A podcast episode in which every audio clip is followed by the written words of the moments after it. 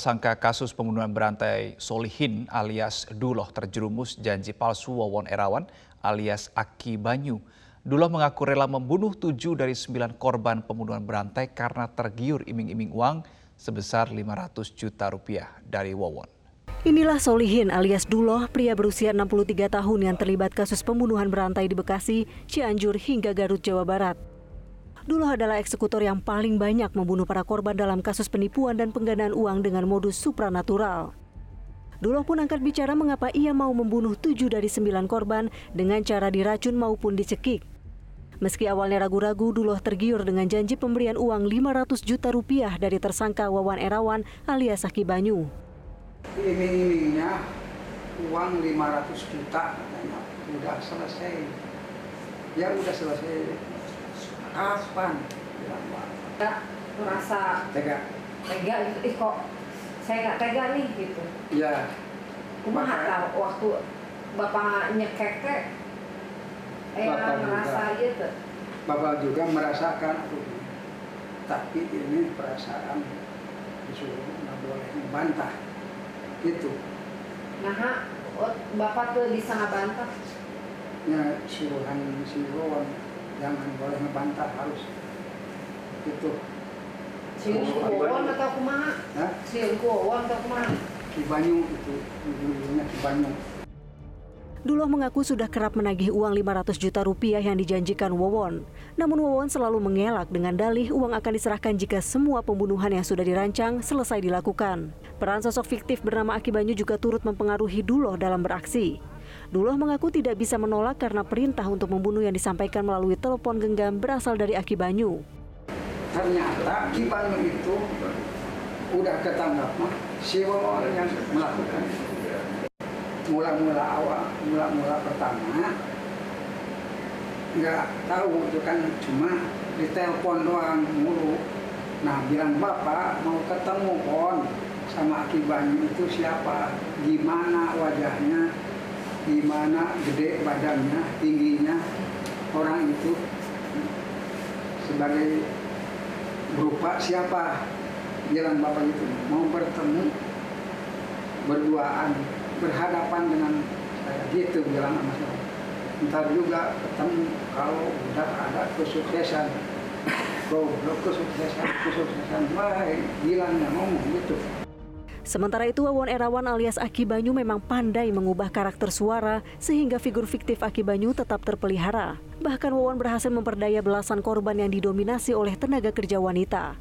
Waktu nyuruh dulu membunuh lewat selaku sebagai akibat Ya, cek cek si banyu teh ya. Kadi mana sakedong? cek dulu teh ya naon ki Naik mana daek tuh misalnya lamun ngabunuh ngaranna si Noneng Suryati jeung si Wiwin. siap oke sih cek dulu teh Lamun siap mana ka dieu? datang mana teh karu rek jam sabaraha cenah ki ngabuluna Ayo nawe cenah. Sok jeung si Dedek copot ka imahna. Api-api di ubaran cenah ku dewek.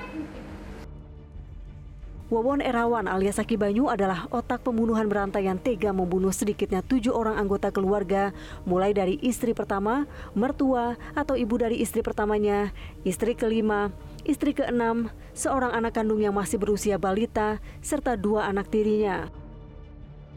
Dari hasil penyidikan polisi, Wawon tega meracuni istri keenamnya, Ai Maimunah, karena sakit hati akibat tidak diurus saat dirawat di rumah sakit. Pengakuan Wawon ini tidak langsung dipercaya. Polisi terus menggali fakta-fakta dalam kasus pembunuhan berantai ini. Sembilan hakim konstitusi dilaporkan ke Polda Metro Jaya atas dugaan pemalsuan putusan MK. Pelapor Ziko Leonard Jagardo Simanjuntak menduga ada individu hakim yang sengaja mengubah substansi putusan sebelum diunggah di website MK. Untuk pertama kalinya sejak Mahkamah Konstitusi berdiri tahun 2003 lalu, sembilan hakim konstitusi dilaporkan ke polisi. Dugaannya pun tidak main-main. Kesembilan hakim konstitusi tersebut diduga terlibat skandal pemalsuan putusan MK. Pelaporan terhadap sembilan hakim konstitusi ini dilakukan oleh seorang penggugat di MK, Ziko Leonard Simanjuntak, ke Polda Metro Jaya. Dalam laporannya, Ziko menduga ada individu hakim konstitusi yang sengaja mengubah substansi putusan MK nomor 103 sebelum dipublis ke website resmi Mahkamah Konstitusi. Ziko yang merupakan penggugat pada putusan MK nomor 103 melaporkan 9 hakim konstitusi, satu panitra, satu panitra pengganti atas dugaan pemalsuan surat. Ziko menganggap perbedaan diksi ini akan berimplikasi besar ke depannya jika tidak dilakukan penyelidikan lebih lanjut. Dalam, ya ternyata memang semua itu dirubah, di putusannya dirubah, di risalah sidang dirubah. Risalah sidang itu notulensi sidang yang kata per kata ditulis apa adanya, itu berubah juga. Nah ya udah saya perkarakan ulang lah ke Mahkamah Konstitusi dan kemudian mendapat atensi publik dan kemudian saya masukkan juga ke polisi untuk diusut tuntas karena ini pasti terstruktur, sistematis dan masif ini. Karena kan nggak mungkin uh, dilakukan ketidaksengajaan, pasti sengaja.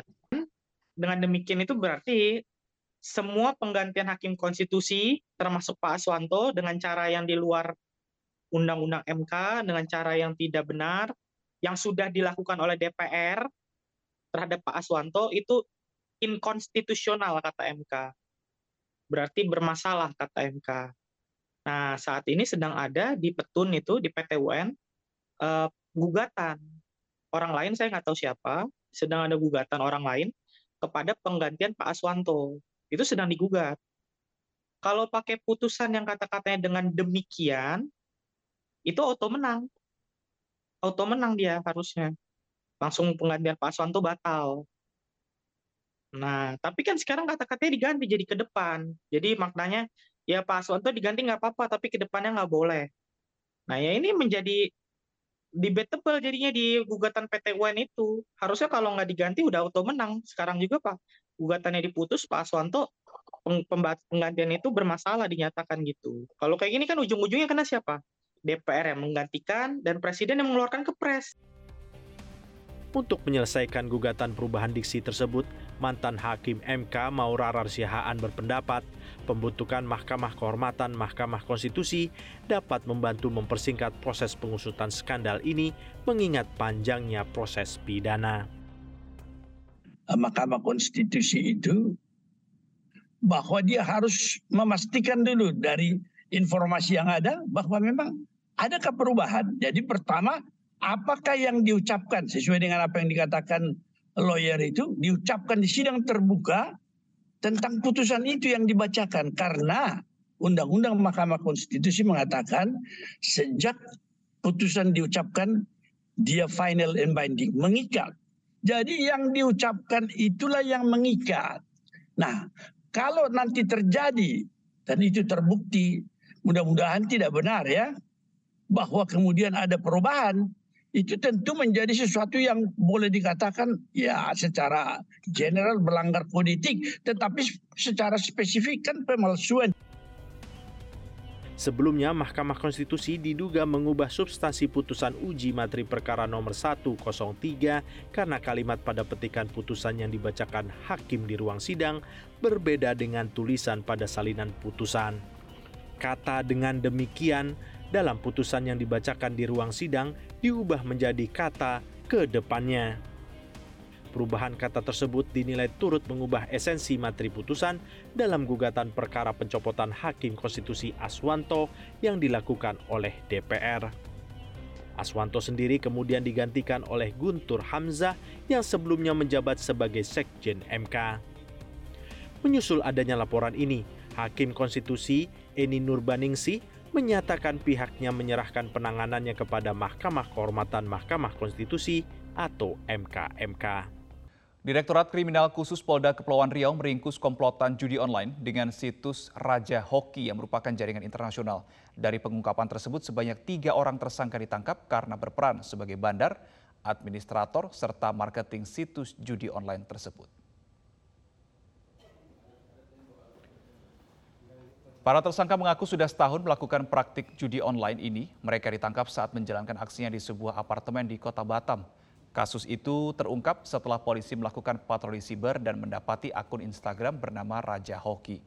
Akun Instagram tersebut memposting permainan judi online Kemudian ditelusuri siapa pemilik dan lokasi operasi judi online tersebut. Polisi menyebutkan para tersangka menjalankan aksinya menggunakan server judi online yang ada di Filipina dan berpindah-pindah lokasi sebelum akhirnya tertangkap di Batam. Ketiganya pun diancam Undang-Undang Nomor 19 Tahun 2016 tentang melakukan postingan yang mengajak melakukan unsur perjudian dengan ancaman hukuman pidana penjara 6 tahun dan denda 1 miliar rupiah. Uh, jaringan uh, jaringan internasional yang mereka sudah setahun melakukan itu omsetnya puluhan juta tiap bulan sebenarnya mereka berawal dari apa mereka warga Batam praktik pertama mereka melakukannya ketika heboh masalah itu mereka melakukannya di wilayah Filipina, kemudian di Malaysia dan kemarin pas Imlek mereka kembali ke sini uh, dan melakukan aktivitasnya di Kota Batam. Polda Aceh menggagalkan penyelundupan 42 kg narkoba jenis sabu yang dipasok dari Malaysia ke Indonesia melalui perairan laut. Selain menyita 42 kg barang bukti sabu, petugas juga mengungkap ladang ganja seluas 10 hektar menangkap satu orang tersangka. Kapolda Aceh Irjen Pol Ahmad Haidar mengatakan pengungkapan berawal dari laporan masyarakat di Tres Narkoba Polda Aceh pun melakukan penyelidikan ke wilayah pantai Aceh Timur. Selain menggagalkan 42 kg narkoba jenis sabu, tim Direktorat Reserse Narkoba Polda Aceh juga memusnahkan 16,2 ton ganja serta mengungkap pengepakan ganja kering dalam pengungkapan itu, petugas menangkap seorang pelaku berinisial Y di kawasan Sawang, Kabupaten Aceh Utara, serta 25 kg ganja kering dan dua set alat pres ganja. Barang bukti narkoba jenis sabu diduga diselundupkan oleh sindikat peredaran narkotika jaringan internasional Malaysia Aceh. Pelaku pengedar ganja dijerat pasal 111 ayat 2 subsidiar pasal 115 ayat 2 Undang-Undang RI nomor 35 tahun 2009 tentang narkotika dengan ancaman pidana minimal 5 tahun dan maksimal seumur hidup.